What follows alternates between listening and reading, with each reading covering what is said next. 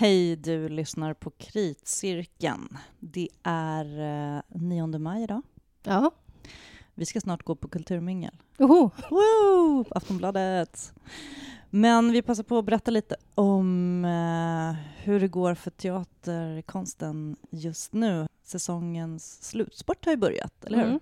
Ja, Mm. och eh, festivalsäsongen tar vid. Ja, gud. Gud vad vi planerar nu. Ja. Ja. Eh, jag ska ju till Berlin på fredag. Ja. teaterträffen. Um, och i förra avsnittet så då, då snackade jag upp uh, Rimini Protocol ganska mycket. Mm. Gruppen som jag har sett på ganska många olika internationella festivaler. Eh, Och det var så. Ja, precis. Ja, men vi Mm. lovade att vi skulle gå och se The Uncanny Valley Mm. som ehm, Stefan Keiger, som är en av de tre konstnärliga ledarna, har gjort tillsammans med Thomas Melle, som är en författare. Mm. För de ska gästspela på Konträr. Eh, och jag gick och såg den. Ja, Men eh, du fick förhinder. ja, jag blev lite sjuk. Ja. Så att, men, eh, men eh, hur var den då? Alltså den var ju intressant. Mm. Intressant som är intressant men inte bra. Men, eller? Jo, men bra. Men eh, jag tänker att det är en sån här föreställning. Den, är ju, den skapades ju, den hade urpremiär eh, 2018. Eh, så det har gått lite tid. Mm. Eh, och eh, ja, i, i grejen med den är ju då att det är en robot som framför hela föreställningen på Mhm. scenen. En humanoid. Mm. Och det är en exakt kopia av författaren Thomas Melle, Mm. som har, han är tysk författare, eh, född 75, eh, som har skrivit hela, så det finns ett manus. Mm. Eh, och dels så är det så att eh, Rimini Protocols, alltså Stefan Keigi har, de brukar jobba väldigt mycket dokumentärt och med amatörer eller med människor som normalt inte är skådespelare. Det är deras grej. Mm.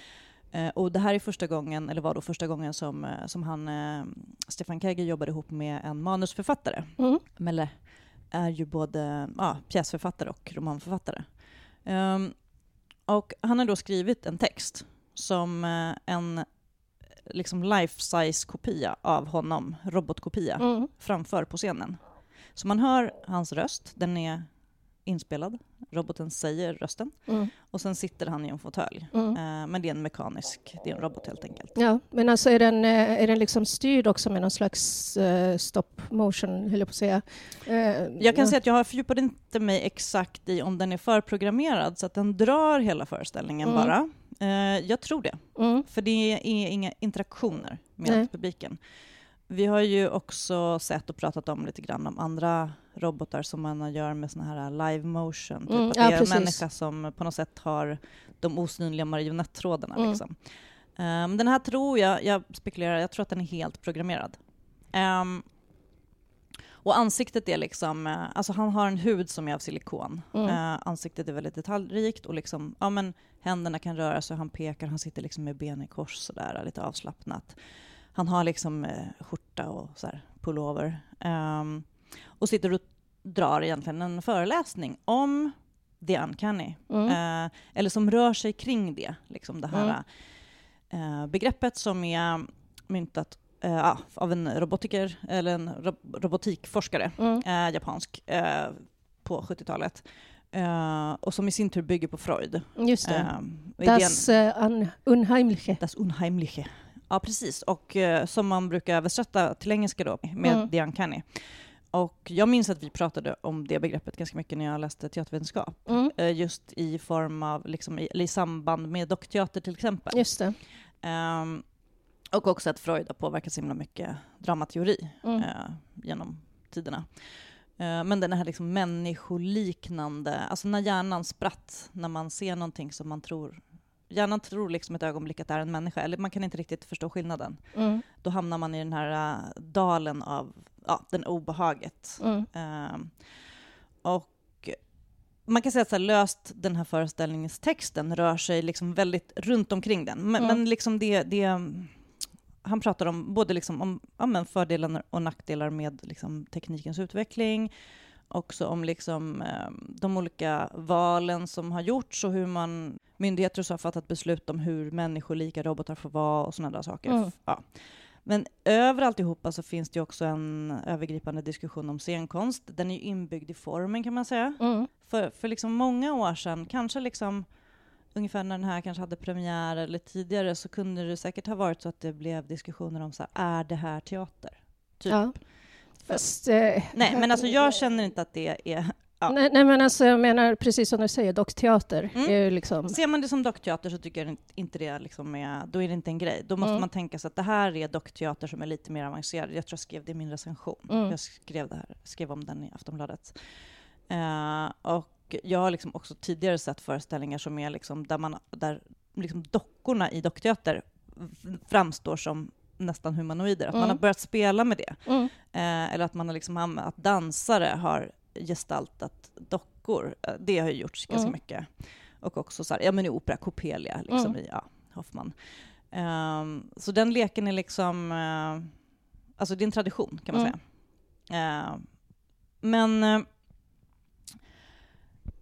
nej men det jag tycker är intressant då med den, det, ja men det är ju också att den ställer en massa frågor som man får med sig och Mm. fundera man funderar medan man sitter där och han ställer ut direkta frågor liksom, till publiken som är sådär, men vad, vad tror du att du egentligen har sett? Mm. Vad är det du applåderar åt? Och det kan ju bli en övergripande fråga. Så vad är det du applåderar åt i den här, alltså om man tänker techvurmen. Eh, så Åh, det är så spännande allting som händer nu. Liksom. Vad, är det, Mm. vad är det man applåderar åt? För jag kan känna så här, i, i, ehm, jag tycker att AI-debatten ganska, är ganska puckad, har varit ganska puckad just nu. Ja. Eh, det är så himla så här för och emot och det är en massa hot takes från människor som är typ ganska oinsatta eh, och liksom refererar lite och har bara så här, så här jag vet inte, killgissat lite och tänker Ja, men det, det, är som att det, det är också så som att det finns två sidor och det gör inte det. Det finns liksom massa olika Ja, nej, aspekter. men, ja, tekniken finns och det är liksom eh, bara att förhålla sig till den. Ja, egentligen. men jag tycker att det är liksom, det jag tycker överhuvudtaget är intressant som han egentligen borde försöka diskutera mer och det tycker jag konsten gör bäst faktiskt just nu. Eh, och, och säkert liksom eh, filosofin, liksom, eh, diskussionerna som förs på akademi, i liksom, i akademiska rum på något sätt. Men, men de, de existentiella frågorna som, där, det liksom, där vi kommit bortom så här, ja, men den här tekniken finns, den utvecklas. Det är liksom vi som, som, som människor, som samhällen som ska bestämma vad vi ska få göra och hur långt det ska få gå och bla bla bla. Liksom.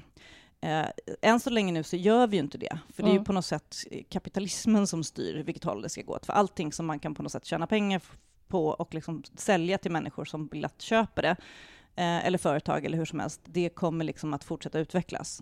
Mm. Eh, kan man inte tjäna pengar på det så kommer, då kommer, det, liksom, då kommer det ta en annan riktning. Eh, men det handlar ju om, liksom, nej men det handlar om politik, och det handlar om policybeslut och liksom, ja, hur, hur ska vårt samhälle se ut. Men liksom för, för, för oss människor så kan jag ju känna att vi, för att kunna fatta beslut om hur, vilken väg vi vill eh, att utvecklingen ska ta, så behöver man ju fundera på vad det är, vad är människan i det här? Mm. Alltså, det är en sak om man säger så ja men, ja men, ja men som jag tycker så här, det dumma med tekniska, det är så här, ja men, som lite, han kommer in lite grann på det i den här föreställningen, det är så, ja men det är ju jättebra eh, med teknik och att man kan utveckla liksom, eh, om man har amputerat en arm så kan man med liksom, robotars hjälp få en helt ny arm som man kan göra. Och det är liksom tack vare den här forskningen eh, som människor, ja, till exempel av medicinska skäl, eller liksom av psykologiska skäl behöver liksom maskinernas hjälp. Alltså kognitiva, alltså man har, Mm. visst det är redskap, det är ju en sak. Men man kan liksom inte hoppa däremellan till mördarrobotar. Det blir liksom lite, det blir lite absurt. Och Ja. det handlar inte heller om så här, antingen eller. Men, men liksom, jag kan känna själv så här, men alla de här liksom verktygen och sånt som man håller på med, eller som man skaffar, eller de här alla som sitter och leker med AI, gratis AI-verktyg, som de tänker är gratis, de hjälper ju till Mm. egentligen. Ja, ja. Det är det man gör. Man Ja. hjälper till att mata dem med information, så att de här som säljer dem och tillhandahåller dem kan fortsätta utveckla dem. Så det, är vi, det, det, det människor håller på med just nu, med både med ansiktsigenkänning och sånt. Det är ju Mm. gratisarbete kan man säga. Mm. Eh, och så lägger vi en massa av vår tid på det. Men vad får vi tillbaka? Alltså, what's in it for us? Ja, På riktigt? ja, nej men så är det väl eh, liksom överhuvudtaget med frågan som man ska ställa kring det, det digitala landskapet just nu. Och, Ja. och data, da, datainsamling och data, vad, vad heter det, harvesting, skördande Ja. och sådär. Nej men också ganska mycket, alltså jag tycker man kan koppla det här vidare, liksom, ba- bara från att se den här föreställningen ska man också få så frågeställningar och man kan öppna upp för frågeställningar, till exempel om, jag menar, koppla det till så här, men dagens diskussion om skolan och digitaliseringen. Liksom. Mm. Eh, det finns jättemånga bra verktyg att använda för barnen i skolan och så. Men är det så att, eh, att, att den utvecklingen liksom trycks den på av de som har någonting att tjäna på det? Eh, eller är det så att man verkligen så här, har kommit fram till att det här är den absolut bästa metoden för att lära sig någonting? Och där är jag skeptisk. För jag Mm. börjar så känna, vad ska vi använda våra hjärnor till då? Mm. Om inte vi behöver, alltså människan är ju lat. Mm. Så om jag inte behöver komma ihåg några saker, om jag lagrar allting någonstans, jag blir ju så fruktansvärt sårbar. Mm. Om jag inte behöver lära mig språk, jag behöver inte lära mig räkna, jag behöver inte lära mig skriva eller någonting, för jag kan bara, upp, upp, upp, det finns de här grejerna. Då har jag ju lämnat över all min makt. Ja, då blir Ah, det, Alltså, min agens, jag har ju liksom sålt min agens, min mänskliga agens. ja, men det blir ju lite grann som den här Wall-E-dystopin, Ja. där folk är bara uppkopplade och feta. Ja, men alla dystopier. Alltså, Ja. här, och det är inte så här om robotarna, robotarna kommer ta över. Det är ju inte det, utan det är ju de företagen som tar över våra Ja. liv. Det är ju liksom inte robotarna vi ska vara rädda för, utan det är ju de här liksom eh, faktiskt eh, pengagiriga, liksom smarta ut, produktutvecklarna. Och, och vi har sett hela det här skeendet med sociala medier. Mm. Det var också så här för eller emot.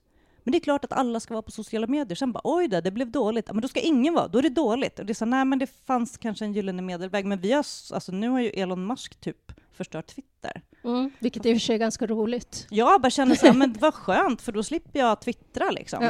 Eh, nej men faktiskt. Eh, och, och dessutom så, så eftersom folk är sura på Elon Musk så, så kommer så här Mark Zuckerberg undan ett tag. Mm. Vad gör han just nu liksom? Ja. Ja. men det är så här, för att vi är så jävla...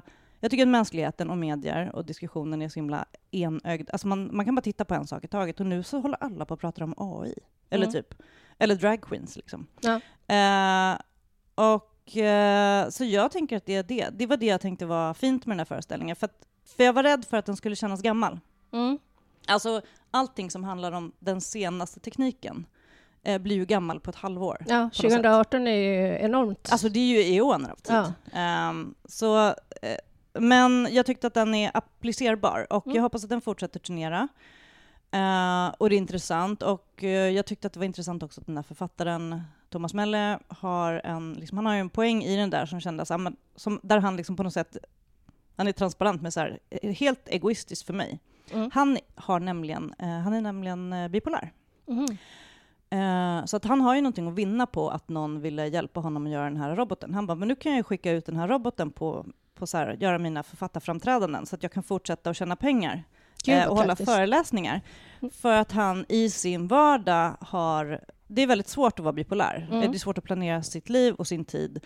Och liksom, ja, man kan vara inbokad till föreläsningar och ska göra saker, men, eh, ja, men så fick sjukdomen tog en annan väg. Liksom. Och så orkade man inte gå upp ur sängen, eller så hamnade man... Jag vet inte riktigt Mm. hur det yttrar sig, han går inte in på det. Men han har pratat om det. Ehm, och då kan man ju känna så här, men mycket bra redskap. Å Mm. andra sidan, då kan han ju, alltså då kan man ju, lite grann så känner jag att då kan man ju också titta på en filmad föreläsning. Ja. Eh, det, då behöver man inte heller frakta runt eh, människolika robotar. Alltså det är ju liksom så gå över ån efter vatten. Om man ändå inte är där på riktigt, för att det man, det man oftast tänker jag är intressant med författarsamtal, det är ju kanske den, den dialogen som kan uppstå, eller så frågestunden. Mm. Och liksom värdet av det mänskliga mötet. Mm. Många nöjer sig med att bara läsa författares böcker och inte Ja. alls vill se dem. Men man kanske, de som vill gå och höra en, eh, ett författarsamtal, kanske trots allt det mänskliga vinner. Ja, fast frågan är ju då för vem? För jo, men människor kanske kommer dit och tittar, men de kanske inte vill betala inträde. Förstår du? Ja. Man, hur, hur värderar man Ja, det? nej, men jag, Det är kul jag, en gång. Ja, nej, men jag tänker ju liksom att eh, den, eh, den mänskliga vinsten är ju enorm för eh, honom som eh, bipolär. Ja, den Eh, egoistiska, den, ja. den liksom snabba, de, den snabba, snabba cashen. Den snabba cashen. Och Ja. det är ju det som jag tänker också med alla som sitter och fnin, flinar och fnissar och delar alla sina AI-genererade bilder just nu. Mm. Eh, den snabba dopaminkicken av att så här, kolla vad tokigt det här blev, fine. Men, men eh, det man har gjort är att man har hjälpt till att fylla internet med en massa fejkmaterial. Mm. Eh, och var hamnar vi någonstans när... Jag tycker redan nu att, vi känner, att man känner att, att ingenting är på riktigt längre. Alltså det är så mycket fejk. Man kan, så här, alltså när någon delar så här, men kolla på den här roliga videon. Då tänker man så här, gud det var ju roligt. Det var ju roligt för att man trodde att det var på riktigt. Mm. Men att någon bara, jag kokade ihop någonting och Ja. delade ett ganska kackigt klipp. Och bara, ja det var tokigt. Och sen då? Ja, Alltså Ja, det- inte, vad ska med det till? Eh, det, det är lite grann som att de har byggt ett, en hel realityserie på folk som bygger eh, väldigt realistiska tårtor. Ja, och så smakar de liksom inte Ja, gott. nej, ens. precis. De är bara eh, extremt realistiska och det kan liksom vara helt så här vansinniga grejer. Typ allt från eh, statyer till, eh, inte fan vet jag, en telefon eller en kattunge.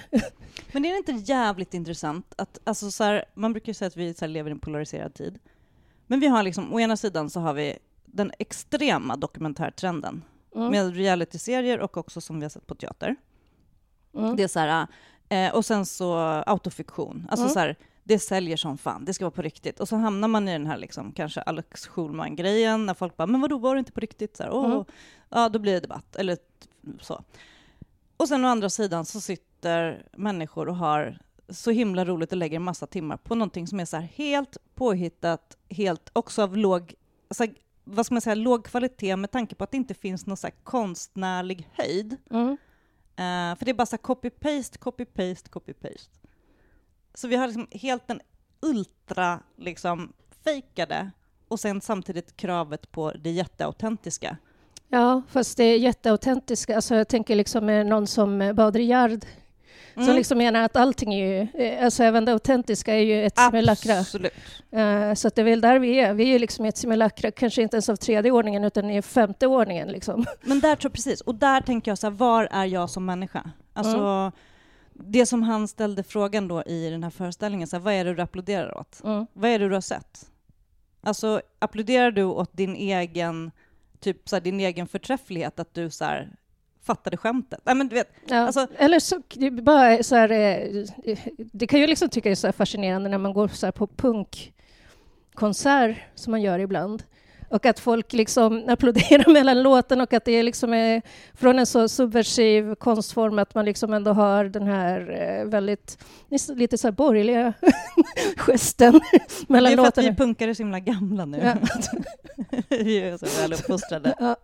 Nej men, eh, men, nej men jag tänker så här, för scenkonsten så känner jag så här, scenkonsten kommer någonstans att vinna på livet och förmågan att liksom, att, att eh, använda fiktionen till att berätta de bästa liksom, och mest intressanta eh, historierna om vad det är att vara människa på riktigt. Mm. Det är som teatern har ju någon sorts liksom, guldläge här nu.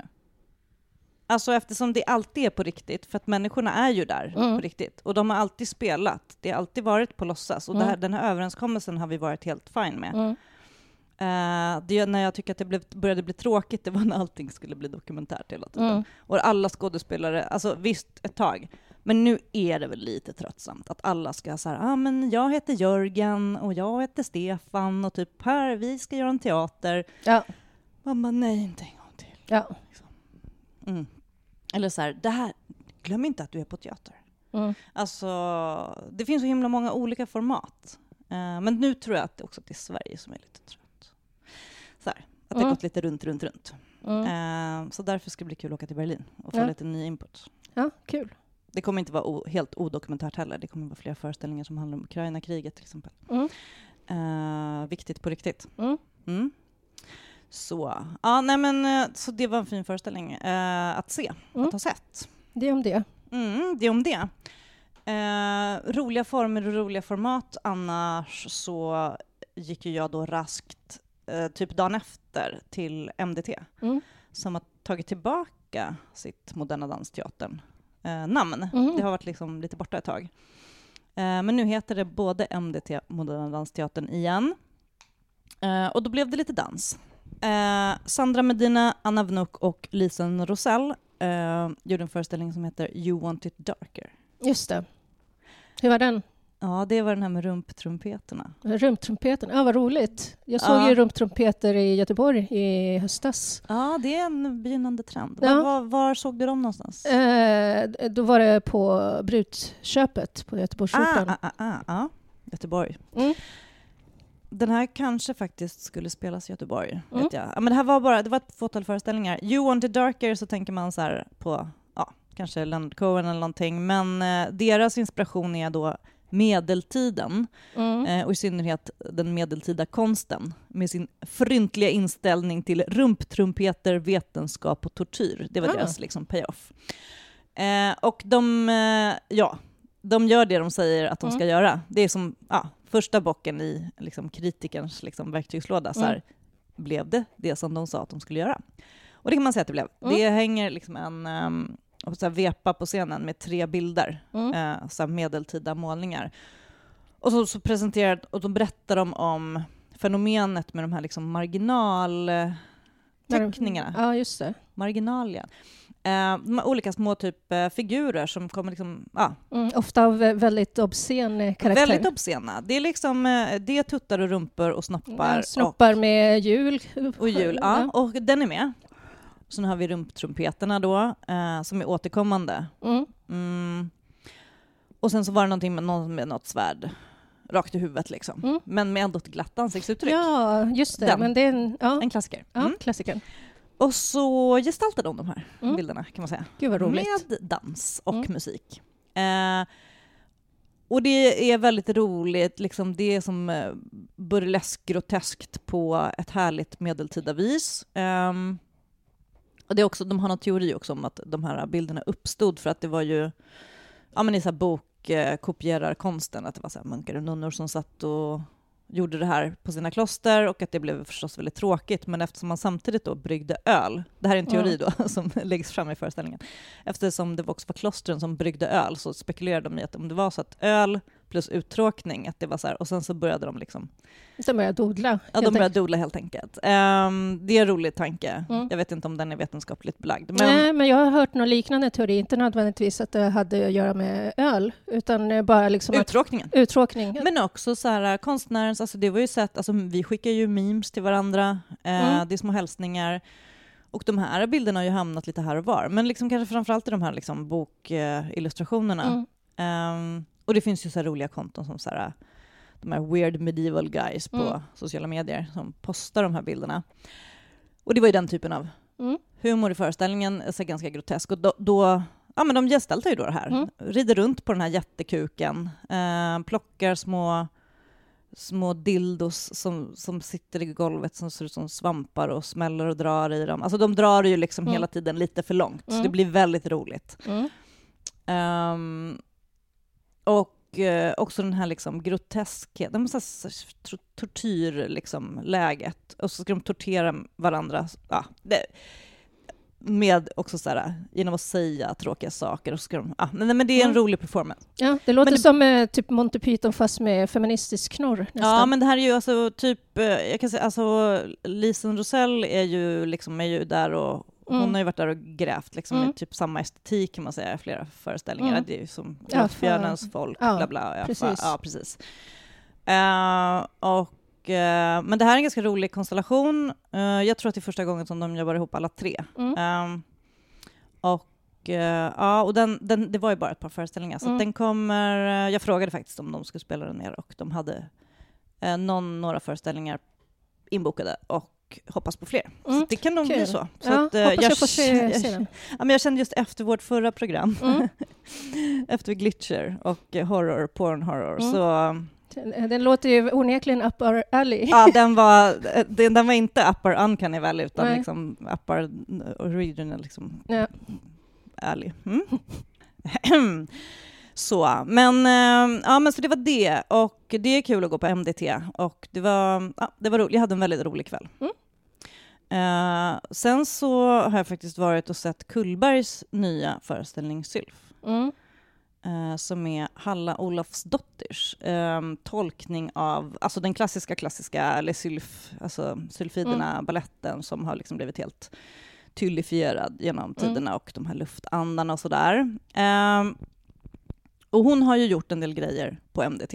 Just det. Mm. Eh, bland annat i de här konstellationerna med Amanda Patreo och sådär, och som också Lisen Rosell, Rosell har ja, jobbat upp. Alltså de, det hänger ihop. Jag ty tyckte inte att den funkade. Eh, och jag läste Margareta Sörensons recension. Mm, jag läste det också. Det eh, jag, jag, är helt team, jag är team Margareta. Jag, mm. jag, förstår inte de andra som hade så himla roligt.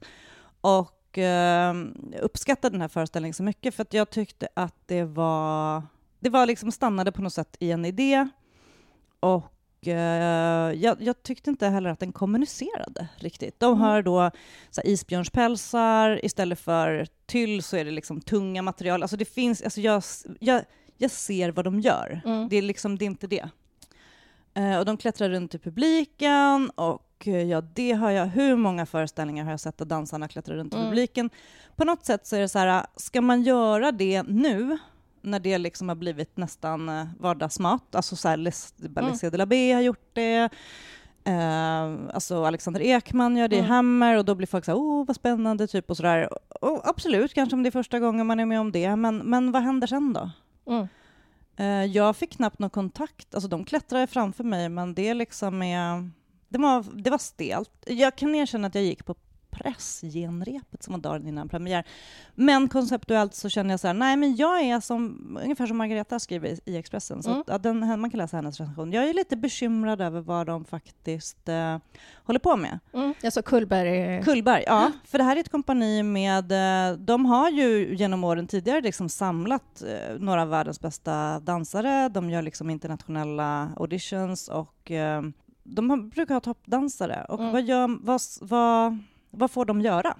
Mm. Alltså jag tänker så här, det har ju varit flera föreställningar, jag behöver inte liksom hålla på och gräva i det, men, men det här med liksom att, så här, att utforska vad dans kan vara, det känner jag också så här, det gjorde vi väl liksom förra decenniet, mm. eller förra, förra liksom. Nu tänker jag väl kanske att man ska börja svara på den frågan. Ja, men exakt. Eh, och det är svårt, med, det är svårt att liksom definiera så vad som är kvalitet när det är den här typen av performanceverk.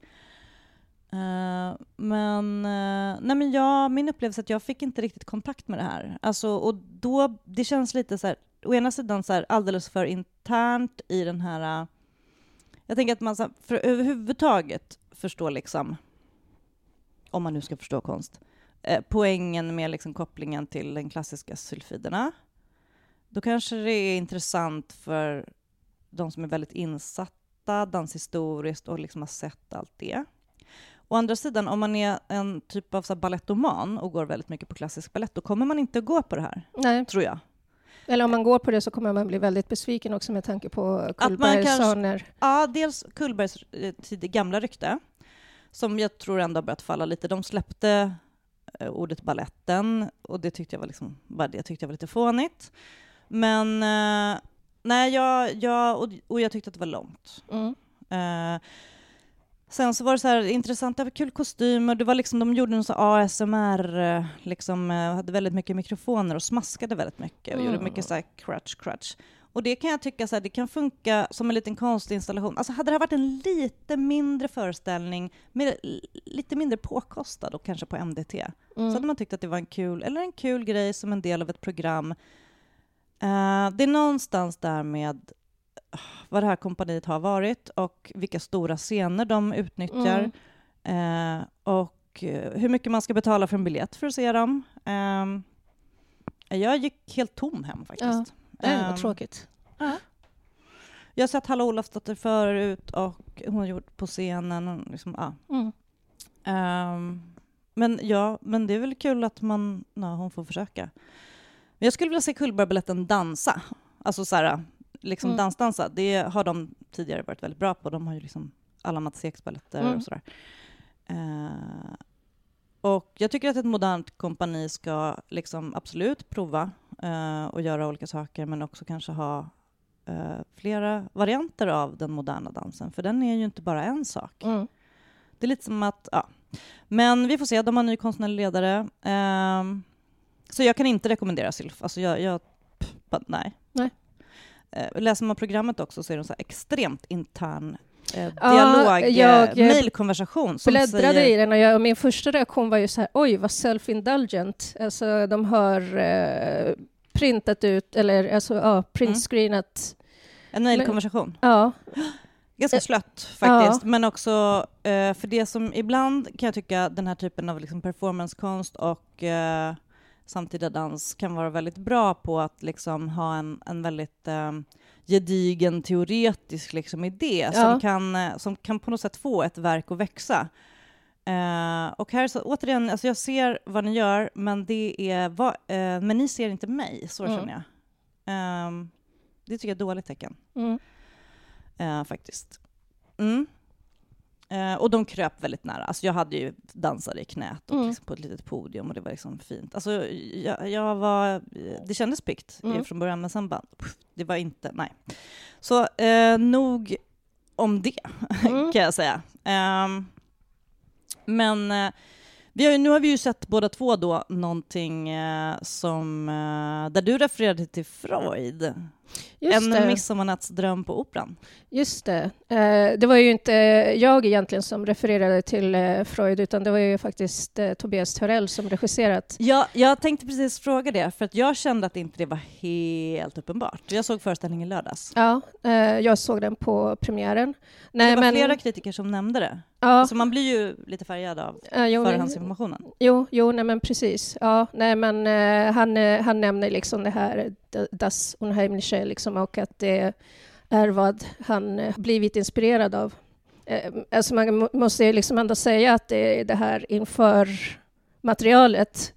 Eh, alltså det var ju liksom väldigt mycket som, som man försökte sälja den här föreställningen med. Ja, Framförallt Robert Fuchs. Det var ju, det, du hade med i din, eh, Ja. som en kommentar. Tack för det. Ja, nej men det, Ja. det, det, det stora drag race-plåstret som Mm. jag kallar det. det. Och Alltså det han har ju liksom, alltså det är inte så att Puck är en oviktig roll, nej.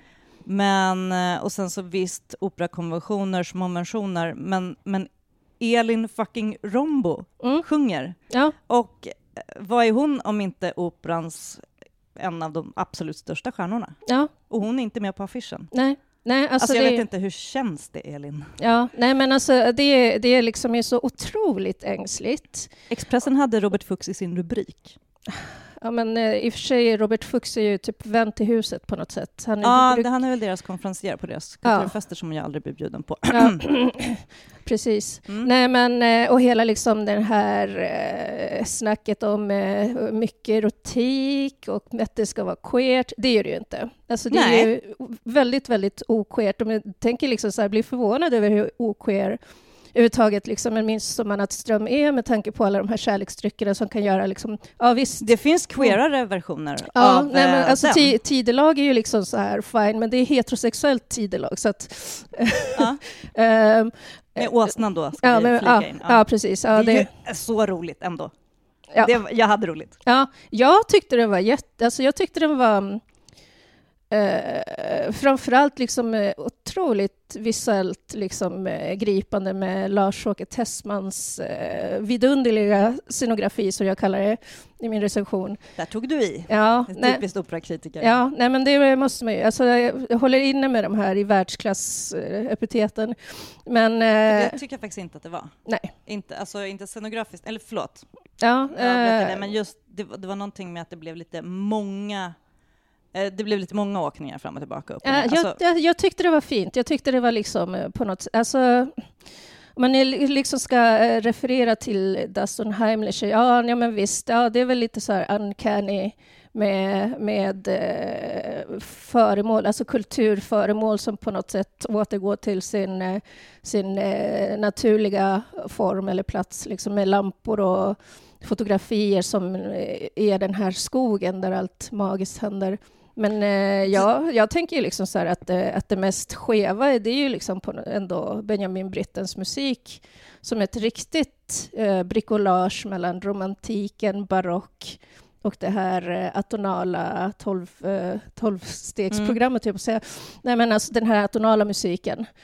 Um, så att det är väl liksom där, alltså på något sätt, queerheten finns. Inte liksom hur man försöker sälja det, liksom att det här är en så queer opera. Nej, Eh, och Men Robert, som sagt, alltså den, den har ju gjorts i, i så mycket queerer, alltså jag har ju Mm. sett det som talteaterversionen Mm. med så här Richard Wolff, Ja. eh, som jävligt queer Mm. eh, puck. mm, Ehm, men... ehm, och, och jag menar som sagt, det är som, eh, det är som sagt Robert Fuchs då har ju den enda inte, han är den enda som inte sjunger ja, och ändå är på affischen. Ah.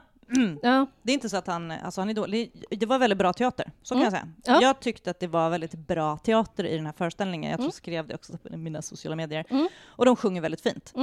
ja, framför, alltså, ja, Elin Rombo och sen så eh, alltid liksom så himla lyxigt att få Nej ta del av en... Oberon, Ja, Oberon. eh, jävlar! Ja, nu får du säga det som kan uttala. Ja, Rodrigo Sosa del Pozo, eh, som är countertenor. ehm, Han, det, det är ju queert bara det. ja, Countertenors ja, ja, rösten och hans röst. ja, ja, Jag men satt och tänkte precis. på Klaus Nomi. Ja, Alltså så här, ja, jag fick sådana referenser. ja, jo, nej men eh, och jag tror alltså Klaus Nomi som eh, även sjunger Purcell och Mm. Eh, jag tror att britterna även har inspirerats av det. Så det är liksom är väldigt, Mm. ja, nej men det är liksom ett, ett bricolage av musikaliska referenser som jag åtminstone tolkar som är det queera. Liksom inte det som händer på scen sådär, utan eh, alltså, opera överhuvudtaget är ju liksom, kan man ju sägas vara en queer Ja, konstform. nej men, ja precis. Ehm, men det är ju, det är ju heteropar liksom, Mm. som eh, förväxlas. Ja.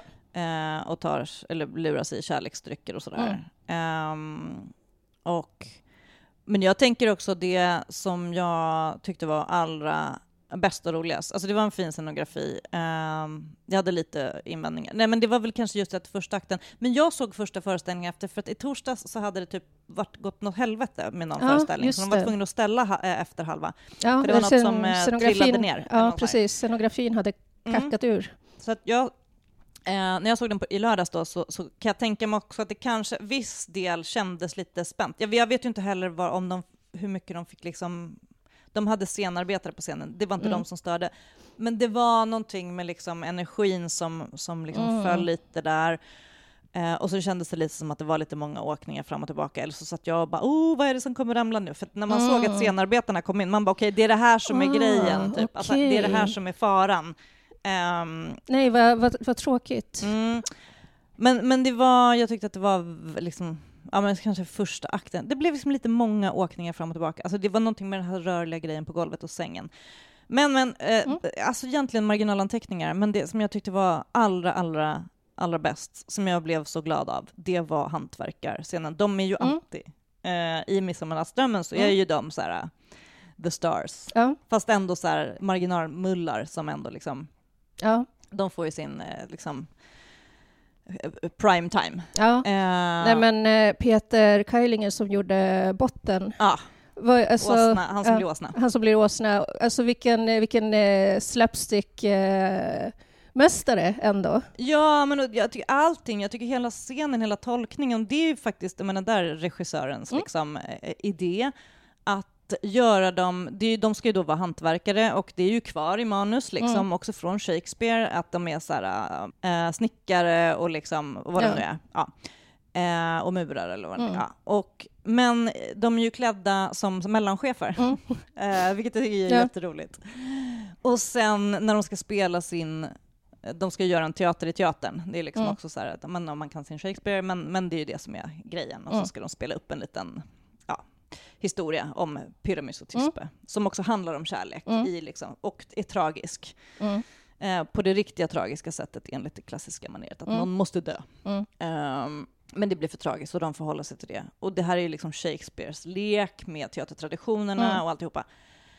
Men sen så kommer de ju in i final, alltså deras final, när de då Mm. ska spela upp den här, eh, dra sin, sin lilla pjäs. Mm. Så är de ju klassiska mimare. Ja, Med, alltså som på det franska, Mm. Marcel Marceau-viset. Och det är ju, de gör det ju bra. mm. Och då är det operasångare Mm. eh, med den fysiska gestaltningen och den komiska talangen. Så Mm. att, mm, ja nej, men, extra eh, applåd. Extra, ja, men jag tyckte det var också så... eh, Alltså den är ju lite uttjatad det här med att liksom eh, sätta upp en gigantisk spegel mot Ja. publiken. Vi, jag tror att vi såg Den den... hade du kunnat droppa. Alltså, mm, Vi, vi såg ju den till exempel i den här Anna Karenina Ja. eh, häromsistone, men jag tyckte att Jag den... sett det så många gånger. Ja, men jag tyckte faktiskt att det var lite fint. Det, framförallt för att det var så stor spegel, så att man liksom såg eh, alltså tekniken. Det var, det var lite snyggt. Vi såg oss själva. Ja. Eh, och det har vi gjort också många gånger på teatern, fast kanske med film. Den filmade, att man har Mm. vänt liksom den där... ah, istället för spegel så har det varit en, en stor filmduk, så har de filmat eh, teatern. Alltså det Mm. där. Det, och, men det är ju också, och det, det är ju motiverat i den här pjäsen, i och med Mm. att det också handlar om att det är en teater i teatern, och man vänder, och allting är liksom... Eh, ja, men den här magin Mm. eh, som händer i den här magiska skogen. Mm. Eh, och att skogen då är ju i möblerade rum. Mm. Eh, så det är ju också, allt det är ju... Allt är ju på något sätt en, eh, alltså mer, mer liksom en fråga om det här freudianska så är det ju liksom mer en, eh, en reflektion över förhållandet mellan natur och kultur. Mm. Eh, Jag tyckte också det var väldigt så fascinerande eller liksom intressant att de eh, publiken till teatern i teatern satt ju faktiskt eh, med i publiken. De satt Ja, liksom i de precis. här eh, lo- De, här respektive paren, alla de Ja. som ska liksom få varandra. Och det, och det, det kändes ju lite grann som att när de kommenterar så på något sätt så kände, alltså jag kände mig mer speglad av dem än av Ja. spegeln eftersom jag Oh ja. är som eh, dels liksom så här, van opera och teaterbesökare, dels också kritiker, mm. liksom på det sättet som man på något sätt gör reflektioner över det man ser på scen. Mm.